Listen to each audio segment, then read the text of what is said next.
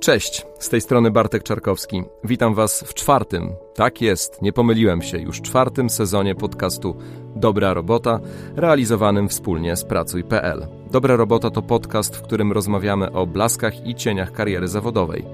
Zapraszamy inspirujących gości, którzy dzielą się swoją wiedzą, doświadczeniem, a czasem też podpowiadają, jak odnaleźć się na rynku pracy, jak pokierować swoją karierą zawodową i jak znaleźć, to ważne, złoty środek między pracą a życiem osobistym.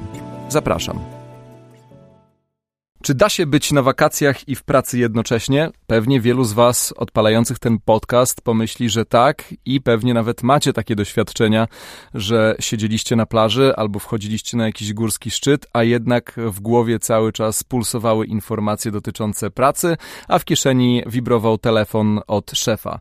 Natomiast w dzisiejszym programie chcemy porozmawiać o odwrotnej sytuacji, czyli jesteśmy na wakacjach, i jesteśmy jednocześnie w pracy, ale jest to nasza świadoma decyzja i w ogóle nas to nie denerwuje, bo można pracować w jednym kraju, a jednocześnie w tym samym czasie mieszkać w innym. I w dzisiejszym odcinku porozmawiamy właśnie o takiej wersji życia zawodowego, czyli jak wygląda praca zdalna na etacie, którą wykonuje się z bliższych albo dalszych zakątków świata. Dowiemy się, czy w każdym miejscu pracy można wykonywać swoje zadania podróżując, o jakich formalnościach należy pamiętać oraz czy różnica stref czasowych to duża przeszkoda, a jeśli tak, to dla kogo? Dla pracownika czy dla pracodawcy? Moimi gośćmi są dzisiaj Ania i Artur. Cześć Ania. Cześć. Cześć Artur. Cześć. Pracujący podróżnicy, autorzy bloga, autorzy e-booków, youtuberzy i autorzy popularnego na Instagramie profilu o nazwie Czas na Wywczas, czyli tak naprawdę to Ania i Artur z Czas na Wywczas. Dzień dobry. Dzień dobry. Dzień dobry. Pierwsze pytanie nie może być e, inne. Co właściwie robicie w Warszawie, że udało mi się z wami porozmawiać? E, jesteście na urlopie czy pracujecie? Jesteśmy w pracy dzisiaj, ale po, jesteśmy po takim weekendzie wyjazdowym, dlatego że wróciliśmy w niedzielę właśnie z Suwalszczyzny, gdzie sobie pracowaliśmy zdalnie w trakcie piątku. W ogóle uważamy, że um, to jest cudowna sprawa wyjeżdżać na weekend już w czwartek i piątek pracować zdalnie. To wejdę ci w słowo. Jesteście zwolennikami tego, co coraz częściej pojawia się no jeszcze na zachodzie, w Skandynawii, czyli czterodniowego tygodnia pracy? Zdecydowanie. Tak, wydaje mi się, że też to jest kwestia organizacji. Jeżeli człowiek jest w stanie poukładać sobie tak tydzień, żeby wyrobić się w cztery dni, to czemu nie? E, a jest teraz sezon wakacyjny, więc e, korzystamy z dobrej pogody i w zasadzie co weekend staramy się wydłużać ten weekend i brać sobie na przykład piątek, czwartek e, pracy takiej zdalnej, gdzie wykonujemy swoje obowiązki, a po godzinie 15-16 mamy już wolne. Czyli wyjechaliście na Suwalszczyznę w czwartek, w piątek pracowaliście zdalnie i po godzinach pracy mieliście już czas dla siebie, który spożytkowaliście do niedzieli włącznie. Dokładnie, uwielbiamy to z dwóch powodów. Pierwszy jest taki, że w czwartki wyjeżdża się znacznie przyjemniej z miasta niż w piątek. Plus drugi jest taki, że w piątek o godzinie 15.30 rozpoczynamy nasz weekend.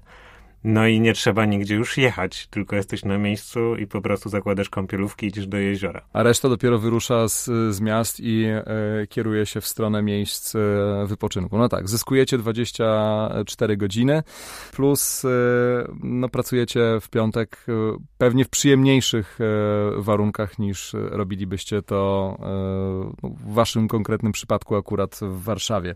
Czym zajmujecie się zawodowo? To może zacznę ja. Ja pracuję w korporacji, w dużym domu mediowym i zajmuję się marketingiem. Jest to praca na pełen etat. Aczkolwiek ostatnio przebywam na e, urlopie macierzyńskim, więc e, mam też e, przerwę w swoim zawodzie, ale w zawodzie pracuję już ponad 10 lat, także już ten marketing, bym powiedziała, zjadłam zębami i razem z Arturem staramy się łączyć to oczywiście z podróżami. Artura, twoja droga zawodowa? Ja się zajmuję wdrażaniem projektów HR-owych w organizacji e, globalnej. Jest to bank międzynarodowy, który w Polsce ma taki swój shared service, w którym pracuje ponad tysiąc osób. I ja jestem częścią właśnie zespołu zajmującego się projektami HR-owymi.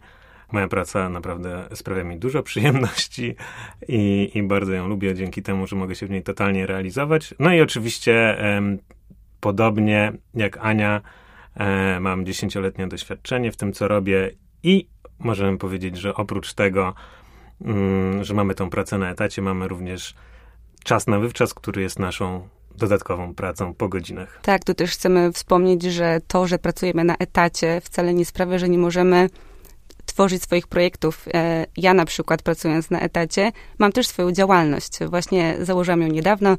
Może uda mi się też w trakcie, w trakcie tego podcastu powiedzieć, e, jak to wyglądało, bo też zakładałam swoją działalność będąc na wywczasie, mhm. czyli taka praca znowu w trakcie wyjazdu. E, ale jest to też ważne, że jakby pracując na etacie nie musimy jakby rezygnować e, ze swojego zatrudnienia, żeby móc robić dodatkowe projekty i zakładać również e, działalności.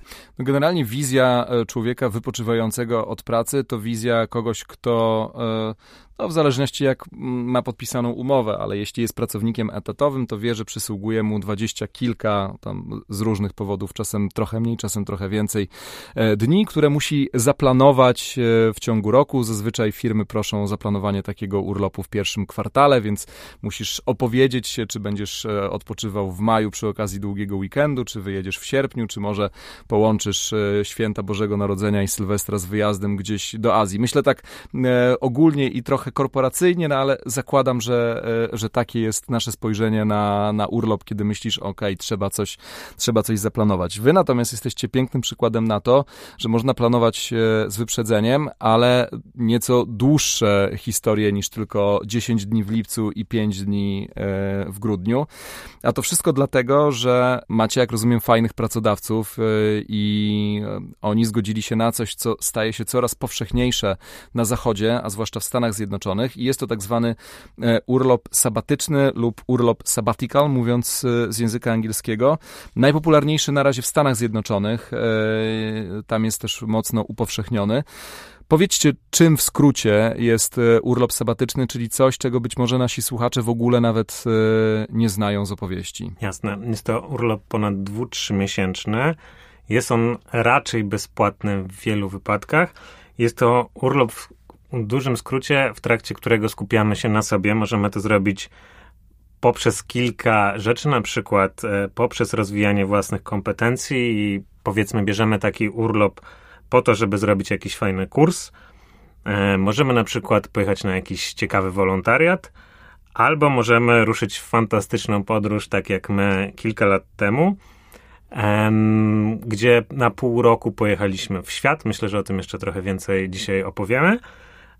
Ale taką najważniejszą zaletą sabatikala jest to, że po prostu po skończeniu tego okresu dostajecie możliwość powrotu na wasze stanowisko pracy co jest e, moim zdaniem ogromną wartością. I co ważne, myślę, że możemy dodać, że ten urlop nie jest uzależniony od wielkości pracodawcy, bo um, ja biorąc swój pierwszy sabbatical pracowałem w firmie, która miała 15 osób. I zgodzono się bez, e, bez problemu, wyjechaliście, wróciłeś na to samo stanowisko. E, w Stanach Zjednoczonych urlop sabatyczny gwarantuje około 1 piąta pracodawców.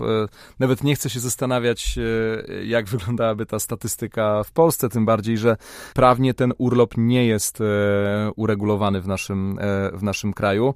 Austria, Niemcy, Włochy, Dania, Francja, tam jest to wpisane w e, kodeks pracy.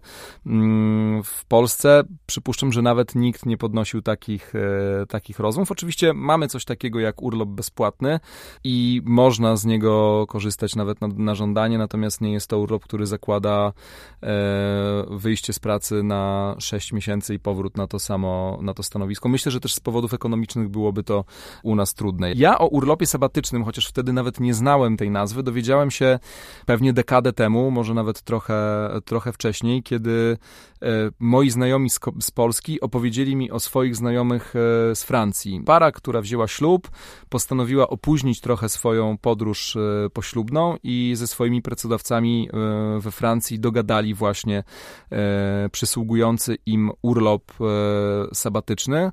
Być może nawet we Francji nie jest to usankcjonowana nazwa, natomiast działanie było podobne. I ta przesympatyczna para rzeczywiście ruszyła na niemalże roczną podróż e, po świecie, zwiedzając no na pewno Afrykę, na pewno Azję, Amerykę Południową, e, chyba tylko Australii nie, nie dotknęli. Zaczęli od Europy, e, a potem no rzeczywiście zrobili taką pętlę wokół globu, poświęcili na to rok. Przypuszczam, że trochę ich to kosztowało, natomiast po raz pierwszy wtedy pomyślałem sobie, że to jest coś niesamowitego i ciekawe, kiedy to zobaczymy w Polsce. Na razie mm, można się po prostu dogadywać ze swoim pracodawcą na, na tego typu y, rozwiązanie. Czy trudno było przekonać waszych y, pracodawców do takiego pierwszego sabatycznego urlopu, kiedy pojawiliście się w pokoju waszych przełożonych? I ja pamiętam, że przed tą rozmową bardzo się stresowałam, bo jednak nikt w mojej organizacji nie wyjeżdżał na tak długo i faktycznie to jest to, co powiedziałeś, nie ma na to takich jasnych reguł. Więc e, my tak naprawdę trochę przecieraliśmy szlaki i robiliśmy taki precedens w naszych firmach. I na tą rozmowę bardzo mocno się przygotowywaliśmy ale wydaje mi się, że taką rzeczą, od której warto zacząć, to jest właśnie odpowiednio wcześniejsze zakomunikowanie takiej potrzeby bo jednak e, jeżeli przyjdziemy do naszego przełożonego i powiemy mu tydzień wcześniej, że chcemy że jechać, w poniedziałek wyjeżdżamy, to będzie troszkę trudno. E, więc my daliśmy takie 3-4 miesiące, to jest duży zapas, e, żeby znaleźć miejsce na nasze, na nasze stanowisko, żeby poszukać jakiejś innej osoby i do tej rozmowy też się dobrze przygotowaliśmy i jest na to jakiś patent, bo przede wszystkim można zakomunikować tą potrzebę jako, że jest to rozwój dla nas chcemy oczyścić swoją głowę, potrzebujemy przestrzeni na to. Jesteśmy dobrymi pracownikami, musimy tutaj też przygotować się z tego, co my dla firmy zrobiliśmy, co wnieśliśmy, e, ile lat już pracujemy, e, jakie sukcesy mamy na naszym koncie i jakby stworzyć taką potrzebę, żeby pracodawca chciał na nas poczekać. Czyli właściwie trzeba się trochę zareklamować, tak? Tak. E, u ciebie, Artur, było podobnie, że też przygotowałeś taką listę swoich zasług dla, e, dla firmy i od tego się odbijaliście? Tak. Um, u mnie to wyglądało tak, że ja zacząłem od rozmowy ze swoim przełożonym i po prostu przygotowałem sobie taką w głowie e, przemowę. Mm, spisałem sobie punkty, na których mi zależy i po prostu E, opowiedziałem o tym, ile lat już pracuję w firmie, co udało mi się osiągnąć w tym czasie, jak w ogóle taka dłuższa przerwa może pozytywnie wpłynąć na mnie. No i też myślę, że warto tutaj zaznaczać to, na jak długo w ogóle chcemy opuszczać struktury naszej organizacji, no bo jeżeli chcemy, żeby nas nie było rok, a pracodawca chce nam dać pół roku, to też ważne, żebyśmy wiedzieli, jak się zachować i czy jesteśmy w stanie w ogóle na to przystać. Ja przy swoim pierwszym sabbaticalu mojego wcześniejszego pracodawcy, idąc na tę rozmowę, byłem taki, możemy powiedzieć, dosyć mocno przekonany, że w tym momencie potrzebuję wyjechać, więc e, szczerze mówiąc, ja nawet z tyłu głowy miałem to, że będę w stanie położyć papiery, jak, e, jak takiego sabbaticala nie dostanę. Całe szczęście mój wcześniejszy pracodawca i obecny są dosyć elastyczni w tym temacie, więc e, nie było z tym żadnego problemu. A czy oni wiedzieli o takiej formule urlopu sabatycznego, czy wy musieliście przedstawić im e, no, niejako definicję, że no, prawo pracy tego nie definiuje, ale generalnie jest tak na zachodzie, że można brać e, urlopy, które dają trochę odpocząć głowie. No myślę, że oni byli mocno zaskoczeni, przynajmniej mój szef i to też nie jest tak, że otrzymałam decyzję od razu. To też warto powiedzieć, że my nawet jak się super przygotujemy na tą rozmowę, no to trzeba się liczyć z tym, że szef musi pójść do szefa, do HR-ów i tam wszystko posprawdzać, a każda firma ma zupełnie inne zasady i pozwala na różnego rodzaju długości takich podróży, czy to właśnie prac zdalnych, więc to, to wszystko jest bardzo uzależnione od struktury i trzeba po prostu być cierpliwym, zmobilizowanym. I to jest to, co też Artur powiedział, że my byliśmy w zasadzie gotowi zakończyć pracę, jeżeli nie otrzymamy e, tej zgody. I wydaje mi się, że to też no, mocno wybrzmiało w naszych rozmowach, więc y, na szczęście w naszym wypadku pracodawcy zgodzili się i stwierdzili, że jesteśmy wartościowymi pracownikami i warto na nas poczekać. Czyli w tym pierwszym momencie e, właściwie najbardziej chodziło wam o też taki wypoczynek, tak? Mówiąc, że byliście gotowi e, zrezygnować z waszych stanowisk i odejść z tej pracy, byleby tylko wyjechać, to mm, byliście u progu wyczerpania e, zawodowego, czy to była po prostu chęć zmiany środowiska e, i no, zobaczenia świata w nieco dłuższej perspektywie niż tylko zwyczajowo dwu czy trzytygodniowej? Wydaje mi się, że były to te dwie rzeczy. W momencie naszego pierwszego wyjazdu na sabbatical byliśmy po około siedmiu latach pracy. Już pojawiało się takie pierwsze zmęczenie i taka chęć odpoczynku, plus dodatkowo E, mieliśmy wrażenie, że nasze social media też fajnie gdzieś tam zaczynają się rozkręcać i stwierdziliśmy, że okej, okay, to będzie ten czas.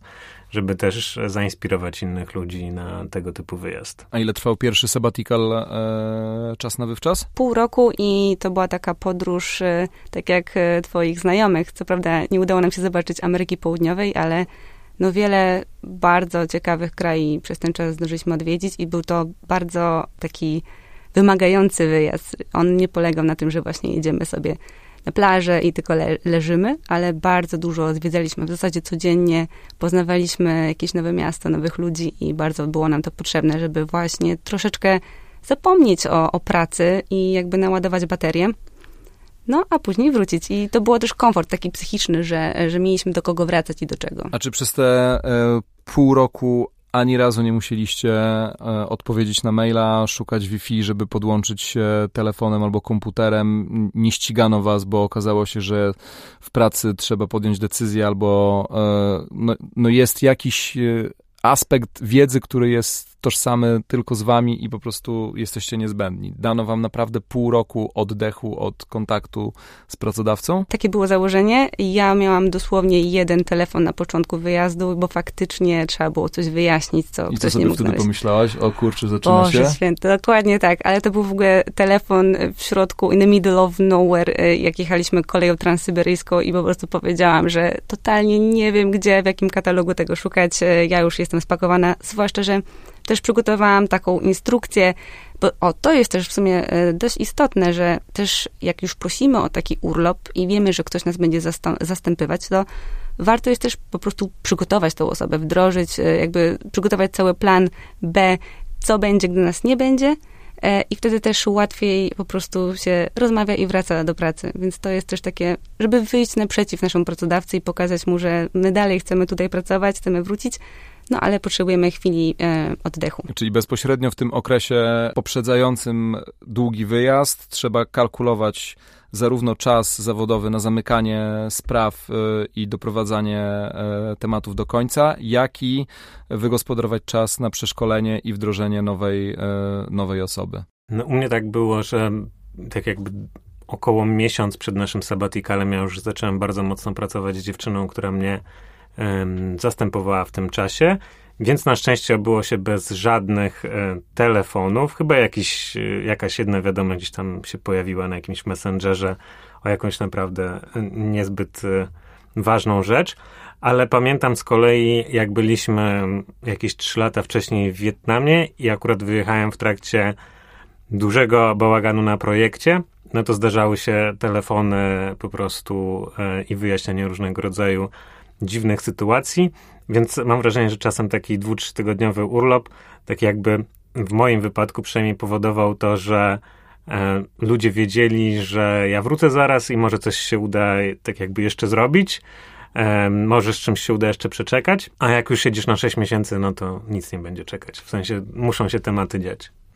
E, Może to będzie niegrzeczne pytanie, ale ponieważ ta definicja urlopu e, sabatycznego nie mówi wprost o, czym, o, o tym, czy pracownik dostaje wynagrodzenie, czy go nie, nie dostaje, bo jest to kwestia indywidualna e, do decyzji w każdej, w każdej firmie.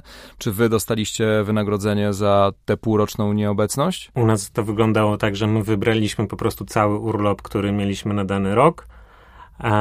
No i za to dostaliśmy wynagrodzenie, ale tak jakby można powiedzieć, że kilka miesięcy pracowaliśmy za darmo. Nie pracowaliśmy, podróżowaliśmy. Podróżowaliście. Podróżowaliśmy. Podróżowaliście. Ania, u ciebie było tak samo? Tak samo, nikt mnie nie zapłacił za moje podróże, niestety. E, a mógłby. Ale nie, oczywiście e, dużo osób boi się e, w ogóle tak zostać bez środków, że jak to teraz pół roku nikt nie będzie mi płacić pensji, za co ja będę żyć, więc w ogóle taka decyzja związana z podróżą i mm, sabatyczną, czy właśnie podróżowaniem też e, i pracowaniem w trakcie, e, no jest też związana z tym, że e, trzeba jakieś oszczędności mieć. Bo podróże to jest drogie hobby, zwłaszcza jak właśnie nie ma stałego dochodu co miesiąc. Więc zanim się zdecydujemy na taką wyprawę, to trzeba się odpowiednio przygotować i my w zasadzie to już rok wcześniej odkładaliśmy pieniądze, braliśmy dodatkowe projekty, wyprzedawaliśmy majątek y, w domu, po prostu. Ale jak wróciliście, to mieliście gdzie mieszkać? Tak, tak. O, wynajęliśmy nawet nasz dom. O to też, o to też chciałem zapytać, e, chociaż to nie, nie tyczy się dokładnie e, życia zawodowego, ale no, myślę, że interesuje to naszych e, słuchaczy, jeśli już gdzieś kiełkuje im pomysł takiego urlopu, co wtedy z mieszkaniem, no bo trzeba mieć też pieniądze na e, wynajem mieszkania albo na płacenie czynszu co miesiąc, media i tak dalej, i tak dalej, no bo zakładam, że też nie zrywa się umów z operatorami sieci, nie wiem, kablowych na przykład na pół roku, tylko trzeba to pokrywać. Co, co wtedy? Najlepiej wynająć mieszkanie, tak? No my mieliśmy jeszcze jeden problem, bo mieliśmy koty w tym mieszkaniu i musieliśmy to mieszkanie wynająć, więc i, i to się udało. Także to naprawdę, jeśli człowiek. znaleźliście się... kogoś, kto się za, e, zaopiekował i kotami, i mieszkaniem. Tak jest, na szczęście to było. To szczęściarze prawdziwi. Dostają tak. urlop sabatyczny i jeszcze e, ludzi, którzy biorą ich koty z całym dobrodziejstwem. Szczęściu trzeba pomóc. Ja myślę, że to. E, znam osoby, które również wynajmowały mieszkanie z kotem i naprawdę da się. E, także trzeba próbować, trzeba pytać e, i wszystko do zrobienia. I trzeba też dać sobie czas, bo przede wszystkim to jest duża logistyka i planowanie tego wszystkiego, no, potrzeba czasu na to. Czy znacie kogoś e, w waszym towarzystwie, albo ze względu na to, że no, prowadzicie e, dość rozległe e, życie internetowe i pewnie wiadomości do was spływają, kto również dostał taki długi urlop, ruszył w podróż zainspirowany wami, a nawet może to powtórzył kilka razy? Znamy kilka takich osób. Możemy bardzo polecić naszych przyjaciół Państwo Gdzie Bądź, którzy też zdecydowali się na tego typu urlop. U nich to się potoczyło trochę w jedną, inną stronę, dlatego że my wróciliśmy do naszych prac a u nich to się skończyło na tym, że jedno z nich wróciło do pracy, a drugie po prostu poszło A, a Piotrek pływa po prostu kajakami e, po świdrze zimą e, i gubi drony. E, na drzewie. E, na, na, na, drzewie. E, ale zadałem to pytanie dlatego, bo, bo, bo, chciałbym wiedzieć, czy myślicie, że urlop sabatyczny jest e, dla każdego i każdy może go dostać.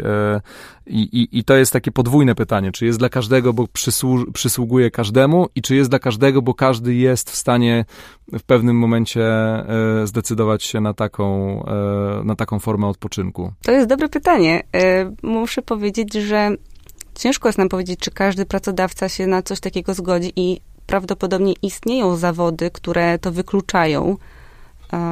Myślę o na przykład nie wiem, lekarzach czy prawnikach. Tutaj ten sabbatical bardziej byłby prawdopodobnie jakąś wymianą, czy na przykład pojechaniem do innego kraju, żeby dostawać jakieś doświadczenie w innych miejscach, jak to wygląda. No, w naszym przypadku, w takiej biurowej pracy, jeśli słyszymy od ludzi, że planują taki urlop, e, to raczej to się udaje. Znamy przypadki, gdzie pracodawca się nie zgodził i ta osoba po prostu rezygnowała z pracy, bo była bardzo zmobilizowana.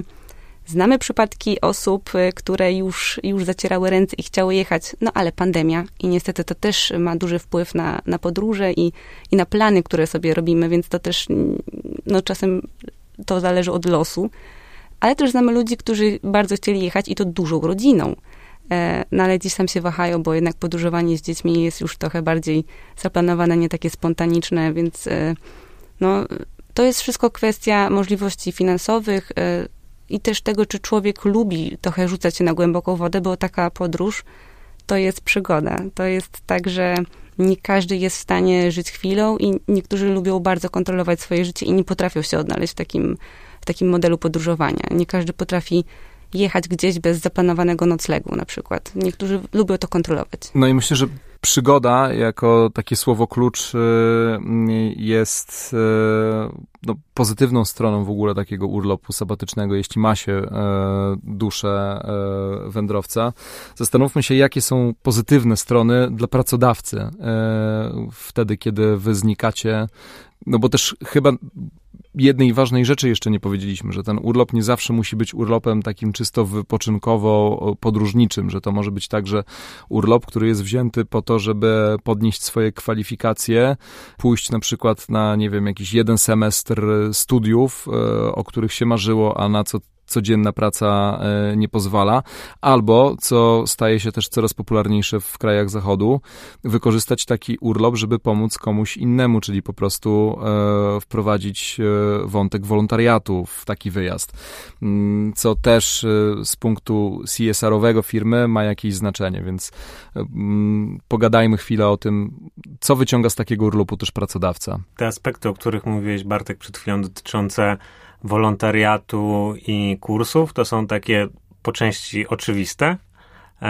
w sensie takim, że zdobywamy nową wiedzę, nowe umiejętności, co jest z punktu widzenia pracodawcy bardzo fajne, ale też z punktu widzenia na przykład, jeżeli ktoś jedzie w taką podróż jak my, to myślę, że po pierwsze zwiększa to lojalność pracownika wobec organizacji, plus wypoczęty pracownik czasami wraca ze znacznie świeższą głową, ze znacznie fajniejszymi pomysłami, zobaczył, że coś można na przykład inaczej robić w innej części świata, może to gdzieś postarać się zaimplikować do firmy, w której obecnie pracuje.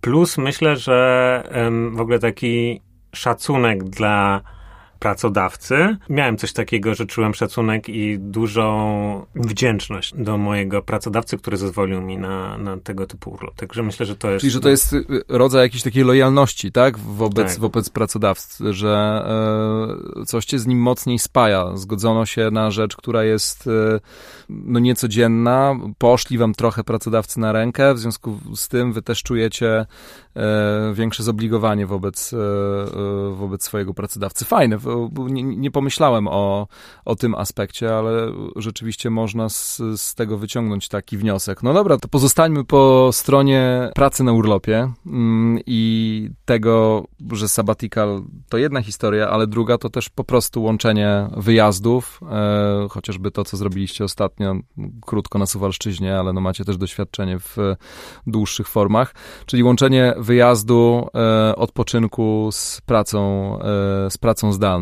Jak się do tego przygotować i jak przekonać pracodawcę, że mm, znikacie z tego pokoju albo z tego boksa, z własnego biura i przez kilka tygodni albo kilka miesięcy będziecie dostępni głównie poprzez e, ekran komputera. Jest dla mnie oczywiste, że pandemia e, trochę w tym pomogła, no ale wy swoją stronę i swoje podróżowanie e, prowadzicie od kilku lat, jeszcze zanim pojawił się COVID-19, więc myślę, że te pierwotne doświadczenia też będą dla naszych słuchaczy bardzo istotne. Tak, ja myślę, że zanim nastąpiła pandemia, to też był taki trend, że każdy chciał być nomadem i móc pracować zewsząd. E, najlepiej to z plaży albo właśnie z jakiejś fajnej dżungli. E, I, I my również mieliśmy takie marzenia kiedyś. I teraz po prostu staramy się je trochę realizować, chociaż e, tu warto powiedzieć, że każda firma ma jakieś ograniczenia w, tej, w tym aspekcie, że nie zawsze można sobie pojechać na, na miesiąc, dwa, na pół roku i pracować zewsząd jest to uwarunkowane różnymi zasadami wewnątrz firmy. I na przykład u Artura w firmie taki wyjazd może trwać najdłużej trzy tygodnie.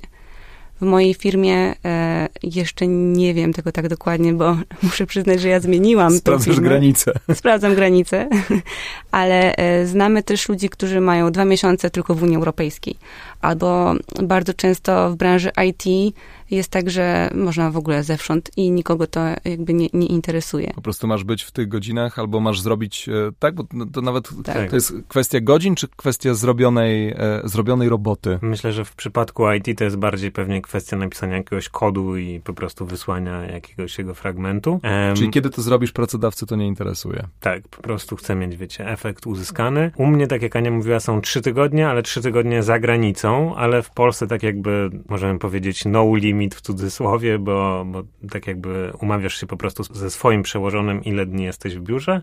Akurat w moim wypadku jest to jeden dzień w tygodniu i ten jeden dzień w tygodniu muszę być fizycznie w biurze. Oczywiście jest na tyle elastyczność, że nie wiem, mogę być na przykład przez jeden y, tydzień w miesiącu, a potem mogę gdzieś być zdalnie, chociażby, nie wiem, gdzieś nad morzem w Polsce sobie pracować stamtąd. No to jak się przygotować e, albo jakich kroków trzymać się, kiedy decydujecie się już na pracę zdalną i łączycie to z e, siedzeniem, niech już będzie na tej przysłowiowej plaży. O czym trzeba pamiętać, jak trzeba uspokoić pracodawcę i przede wszystkim jak siebie mobilizować, że to są te godziny, które musicie wykorzystać na życie zawodowe, a niekoniecznie e, na rozrywkę czy odpoczynek. Bo moim zdaniem to jest najtrudniejsze e, w, w całej tej historii, że jednak oderwanie od miejsca pracy, e, a tym bardziej jeszcze oderwanie od kraju, w którym na co dzień pracujecie i przełożenie pewnego mm, punktu ciężkości na nowe doświadczenia powoduje, że coraz bardziej się rozleniwiasz i szukasz w swojej głowie usprawiedliwień, dla których nie zajmujesz się e, rzeczami zawodowymi. No faktycznie, tutaj ta mobilizacja jest bardzo potrzebna i a dużo rzeczy kusi dookoła, więc e, warto pomyśleć e, nad lokalizacją naszej pracy. E, mówię tutaj pod kątem zarówno kraju oraz stref czasowych, które potrafią być problematyczne, ale również naszego przyszłego biura, żeby na przykład było względnie blisko atrakcji, no bo tak, skoro musimy pracować te przysłowiowe 8 godzin, no to fajnie by było, żeby potem nie marnować już czasu na jakieś dalekie dojazdy, ale właśnie znajdywać sobie miejsce pracy gdzieś, gdzie później chcemy w miarę niedaleko pójść i coś zobaczyć. Strefy czasowe to jest coś, co na pewno pracodawca może mieć obawy, że na przykład nie zdążymy albo że trzeba będzie w zupełnie innych godzinach pracować. Że nie policzycie i nie będziecie wiedzieli, która jest w Polsce. Dokładnie, jeszcze zmiana, zmiana zegarków, te sprawy, także to, y, to na pewno też trzeba wcześniej zagwarantować naszemu przełożonemu, że damy radę i, i, i jakby tutaj się też dogadać. Dobrze w ogóle zaczynać od małych kroków e, z tym, że najpierw mm, pojechać sobie gdzieś na tydzień w Polsce, uzgodnić to z pracodawcą, on zobaczy, że wy pracujecie tak samo efektywnie, dopiero potem gdzieś robić jakieś dalsze podróże, w ogóle zobaczyć, czy to jest dla was e, ok, czy pracowanie na przykład na kanapie, a nie przy biurku, co jest takim często standardem w tego typu sytuacjach występujących, czy to jest dla was ok, czy jednak wolicie siedzieć przy biurku, więc myślę, że to są takie jakieś elementy, które są w ogóle na samym początku. Jeżeli chodzi o strefy czasowe, to myślę, że jest masa ludzi pracujących w Azji, i pracujących z e, polskimi firmami. No i na przykład albo się umawiamy, że pracujemy powiedzmy, nie wiem, w godzinach 8, 16, tak jak robimy to w Polsce, czyli wtedy by to miało na przykład przełożenie na 14 i 22 w czasie powiedzmy, nie wiem, singapurskim, malezyjskim, więc tak jakby wasz dzień wygląda zupełnie inaczej, tak, że wtedy zaczynacie w ogóle od innego rodzaju aktywności, rano sobie robicie jakieś przyjemności i tak jakby kończycie dzień pracą, więc to, to tak jakby to trzeba też mieć na przykład z tyłu głowy, jeżeli na przykład wasz pracodawca wymaga tego, żebyście byli w określonych godzinach e, przy biurku. Akurat w moim wypadku jest tak, że ja bardzo dużo pracuję z e, Singapurem, więc e, ja jestem przyzwyczajony do tego, że, że pracujemy gdzieś tam czasem stosunkowo wcześnie. U mnie na przykład strefy czasowe nie są nigdy dużym problemem, szczególnie te strefy czasowe w stronę Azji. To, to nawet jak jestem gdzieś bardziej na wschód od Polski, to stosunkowo lepiej, bo łatwiej jest mi łapać osoby, które gdzieś są bardziej na wschód od nas. Chyba trudniej jest w Stanach Zjednoczonych, zwłaszcza jeśli pojechałoby się na e, zachodnie wybrzeże. No, miałem, mm, mam nadal znajomych, którzy łączyli e, pracę z, e, z wypoczynkiem w e, Kalifornii, no to tutaj jest już jakby rozregulowanie całego, e, całego dnia ze względu na dużą różnicę czasową, no i kompletnie inne strefy wobec tych europejskich. Czy to jest największy problem, czy jest coś, co, co, co jeszcze spędza e, sens powiek pracujących na urlopie? Dostępność internetu, bo my zawsze wychodzimy z takiego założenia, że inwestujemy w ten internet, e, staramy się już to robić na lotnisku, gdzieś lądując dlatego że jest to bardzo, bardzo kluczowe z naszego punktu widzenia i często zdarzają się sytuacje, że jedziemy do miejsca, gdzie ten internet ma być naprawdę fajny, a rzeczywistość wszystko weryfikuje. Warto jest się po prostu dobrze przygotować i mieć pewność, że tą łączność będziemy mieć niezależnie gdzie jesteśmy. Oraz, że będziemy mieć właśnie dostęp do, do naszych materiałów, do naszych stron, że będziemy w stanie się połączyć i faktycznie dobrze pracować. A mieliście wpadki wynikające z e, tych problemów e, z internetem w życiu zawodowym gdzieś tam na obczyźnie? No niestety tak. Wpadek tak. trochę było. Możemy o kilku myślę powiedzieć. Jedna to była taka, że byliśmy na Mazurach i postanowiliśmy pracować z pływającej łódki. No i w pewnym momencie zaczęła się kończyć bateria w laptopie i okazało się, że akumulator, który jest e, na łódce nie działa jak się płynie łódką, tylko działa jak się jest wpiętym w, w sieć, w porcie dokładnie. No więc e, musiał nastąpić szybki zawrót do portu, żeby zrobić kola. Na szczęście obyło się z niewielkim spóźnieniem, ale tak jakby trochę to zdezorganizowało nasz dzień, myślę. No i może ten przykład twój z e-bookiem. Tak, no y, ja też w trakcie naszej ostatniej dwumiesięcznej podróży y, bardzo mądrze stwierdziłam, że będę właśnie wtedy zakładać firmę, kończyć e-booki, wypuszczać e-booka i pomimo wielu testów na naszej stronie y, niestety nie obyło się bez dużego um, błędu i sporo osób kupowało e-booki i nie otrzymywało, nie otrzymywało maila później z tym produktem. A z kolei osoba, która się zajmowała tym w Polsce w ogóle nie odbierała moich telefonów, ani nie odpowiadała na wiadomości, więc y, bardzo mnie to stresowało i musiałam wszystko wysyłać ręcznie. Był to stres i, i, i jakby no, myślę, że gdybym była gdzieś tam na miejscu, to być może byłabym w stanie zrobić coś więcej. Więc to było takie też niefajne przeżycie i wydaje mi się, że to, co może przeszkadzać w pracy, zwłaszcza jeśli dwie osoby zamierzają pracować zdalnie, to to, um, że jesteśmy w jednym małym pomieszczeniu. Że zdarza się, że chcemy coś zrobić low costowo, więc bierzemy sobie właśnie jakiś taki mały pokój, a okazuje się, że w tym samym czasie mamy kole i jest ciężko mieć kole w tym samym czasie, więc y, mieliśmy też taką sytuację właśnie też w Polsce, na Podhalu, gdzie w tym samym czasie mieliśmy kolej jedna osoba po prostu musiała wyjść na zewnątrz, a warunki atmosferyczne nie były sprzyjające, więc ktoś po prostu musiał ganiać e, i mm, żeby dwie osoby mogły rozmawiać, trzeba było się rozdzielić. Trochę y, zaspoilerowałaś moje kolejne pytanie y, a propos jeszcze tych trudności w prowadzeniu pracy zdalnej y, gdzieś z, z wypoczynku. No jak podróżujecie, to rzeczywiście pewnie wybieracie na ostatni moment jakieś miejsca, gdzie się rezerwuje nocleg, gdzieś śpicie w hotelu, gdzieś wynajmujecie jakiś apartament, gdzieś dom, e, może gdzieś bungalow, no i wchodzicie do tych miejsc i z jednej strony myślicie sobie, ok, fajny na, e, na odpoczynek, tutaj można się poopalać, tu można, nie wiem, poczytać książkę, ale musicie spojrzeć także na to miejsce pod kątem biura, tak? I e, tego, czy są, nie wiem, gniazdka, czy jest e, stół, gdzie możecie postawić komputer i krzesło. Dużo jest takich miejsc, które nie dają możliwości fajnej pracy e, i skupienia się przez kilka godzin na życiu zawodowym. Jeśli w ogóle chodzi o wybór miejsca, to my w tym ostatnio doszliśmy do dużej ekspertyzy, dlatego że do naszego towarzystwa dołączył roczny Bobas, którym już e, od 13 miesięcy podróżujemy, więc w ogóle przykładamy bardzo dużą wagę do wyboru miejsca. Ja szczerze mówiąc, jak jechaliśmy do Lizbony właśnie te ponad dwa miesiące temu, to znalezienie dobrego e, apartamentu zajęło mi chyba ze trzy wieczory takiego, żeby była tam jakaś przestrzeń taka do pracy, oddzielny pokój dla dziecka, żeby można było je odłożyć i wieczorem coś porobić. Um, także jest to zdecydowanie naprawdę duże wyzwanie. Znalezienie fajnego apartamentu do pracy um, to jest challenge. Ja myślę, że jeżeli decydujemy się na łączenie pracy z podróżowaniem, to, to jednak fajnie jest trochę dopłacić do tego luksusu i właśnie nie robić czegoś tak już totalnie po kosztach. E, couchsurfing może być trudny w tym wypadku, bo no, od tego zależy też nasz performance, jak my wystąpimy przed naszym pracodawcą.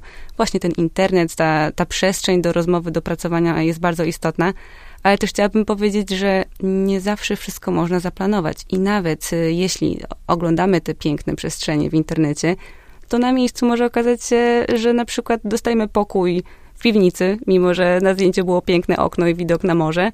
Albo na przykład y, mamy pokój z widokiem na pacio, gdzie ktoś od pięciu godzin kosiarką jedzie. I co wtedy?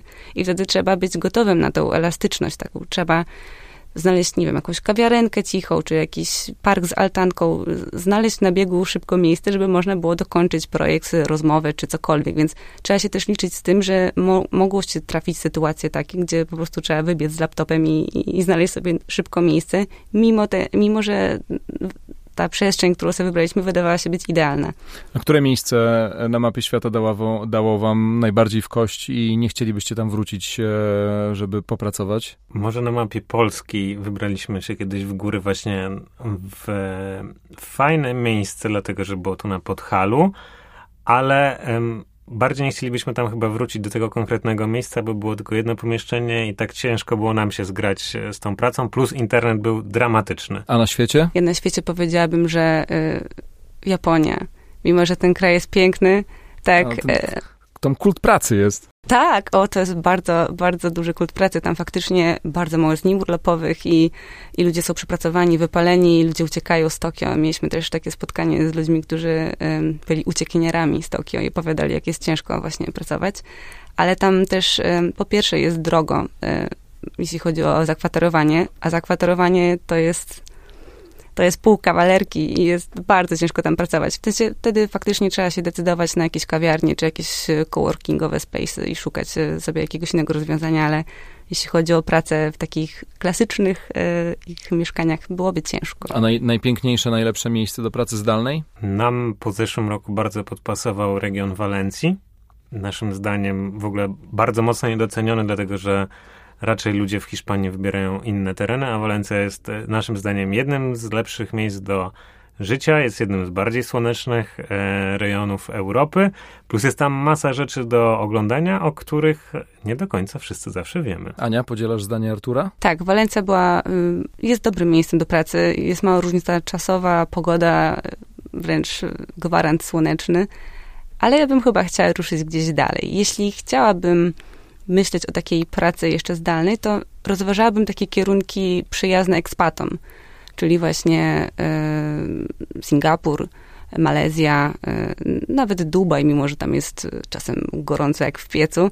Myślę, że tam faktycznie może się fajnie pracować ludziom i jest też taka społeczność ludzi, którzy właśnie nie do końca są lokalcami i można sobie budować fajne społeczności i poznawać też się, siebie nawzajem. A czy mieliście taki moment w czasie tych podróży łączonych z pracą zdalną, że chcieliście rzucić e, robotę? W sensie, że chcieliście po prostu już, dobra, zostawcie te komputery, dajcie nam spokój, chcemy jednak tutaj odpoczywać. I drugie pytanie, które trochę się z tym łączy, czy są takie ewidentne minusy, typu, no nie wiem, rozłąka z rodziną, ze znajomymi. Wiadomo, że do nich wracacie, ale że doskwiera daje wam w kości już też taka, e, taka odległość i dłuższy czas pobytu poza Polską. Rodzina jest przyzwyczajona do naszych podróży i wbrew pozorom rodzina wie więcej o nas, jak jesteśmy w podróży, niż jak jesteśmy w domu, bo my naszą podróż relacjonujemy na Instagramie, więc oni zawsze wiedzą i zawsze każdy dzień zaczynają od tego, co tam u nas słychać. Więc rodzina i przyjaciele są przyzwyczajeni, my oczywiście za nimi tęsknimy i, i to jest, to jest takim pierwszym powodem, dlaczego chcemy wracać, to jest rodzina i przyjaciele.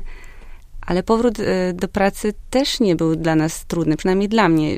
Wiele osób mnie pytało, jak w ogóle się znalazłam po takiej dłuższej podróży. I ja szczerze powiedziawszy trochę tęskniłam za tą rutyną. To, tak jak powiedziałam, takie podróżowanie i, i bycie takim nomadem, czy właśnie taką osobą, która gdzieś się, powiedzmy, szwenda z kraju do kraju, potrafi być na dłuższą metę męcząca i nie każdy jest w stanie tak żyć na, na dłuższą metę, więc y, dla nas te ja gdybym miała gdzieś zostać i rzucić pracę, to chyba bym się tego nie podjęłam, ponieważ jestem takim typem osoby, która lubi takie bezpieczeństwo i też sporo osób pyta nas, czy chcielibyśmy rzucić pracę i żyć tylko z bloga, bo przecież to jest nasze hobby i fajnie jest żyć z hobby ale myślę, że po czasie to hobby, które stałoby się pracą, trochę już by nie było tym hobby, że bylibyśmy już tym zmęczeni. Lubimy mieć takie, przynajmniej wypowiadam się za siebie, że ja lubię mieć takie jakby wyłączenie. Praca to praca, daje mi środki do życia i na realizowanie swoich podróżniczych marzeń, a podróże to jest jednak przyjemność. A wyprowadzilibyście się z Polski i zamieszkali gdzieś po prostu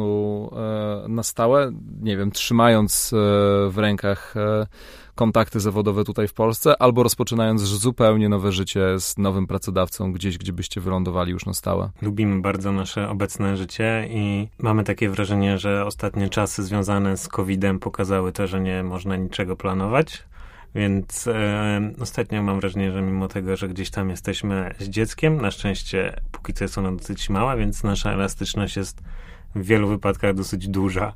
Także totalnie nie odrzucamy jakiejś opcji pracy za granicą czy wyprowadzki z Polski. No bo takie jeszcze tam 6-7 lat i potem trzeba będzie już też kalkulować nie tylko życie zawodowe, ale też e, szkołę, coś o tym wiem. No, e, myślę, że każdemu z nas i tutaj w tym studiu akurat waszej dwójce się udało, e minie, ale przypuszczam, że też wielu słuchaczom tego podcastu chodził taki pomysł po głowie, żeby spróbować e, albo zmienić to otoczenie i zacząć gdzieś zupełnie nowo, e, w nowym miejscu życie zawodowe, albo rzeczywiście spróbować łączyć e, pracę w Polsce z mieszkaniem e, gdzieś indziej.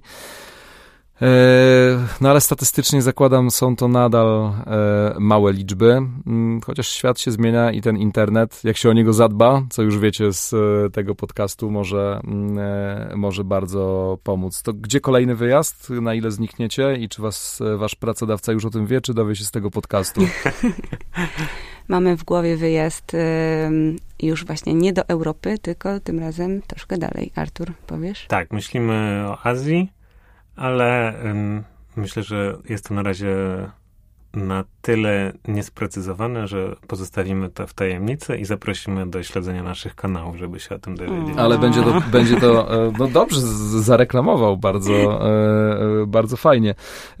Ale to będzie sabbatical, czy to będzie łączenie pracy zdalnej z mieszkaniem gdzieś w azjatyckim kraju? Póki co dajemy Ani wrócić po urlopie macierzyńskim do pracy Myślę, że będzie musiała się tam trochę rozgrzać. I od tego będzie zależało, czy będziemy mogli połączyć właśnie tą pracę e, z podróżami, czy, czy jednak to będzie, będą tylko podróże. Ale to dla mnie też będzie ciekawe doświadczenie, czy na początku e, powrotu ktoś mi na to pozwoli. Sama jestem ciekawa. Ale będę próbować. Wierzymy, że taki, e, na koniec mam taką myśl, że wierzę, że też będzie się społeczeństwo zmieniało e, i pracodawcy będą szli z, z, duchem czasu i docenią to, że pracownik chce być lojalny wobec, wobec firmy, chce w niej pracować, ale potrzebuje po prostu odświeżenia, bo w tym tempie pracy, jaka e, teraz to, to, tempo, jakie nastało i, i, i to, jak wiele się od nas wymaga, no to chyba po prostu nie ma innej opcji, żeby nie zacząć wprowadzać tego mm, także na polskie zawodowe y, salony. Y, to był kolejny odcinek Dobrej Roboty, czwarty sezon. Dzisiaj porozmawialiśmy z Anią i Arturem z Czas na Wywczas e, o urlopie sabatycznym i o tym, że można łączyć pracę zdalną z podróżowaniem i wyciągać z tego korzyści zarówno dla życia zawodowego, jak i dla samorozwoju, czy też e, hobby.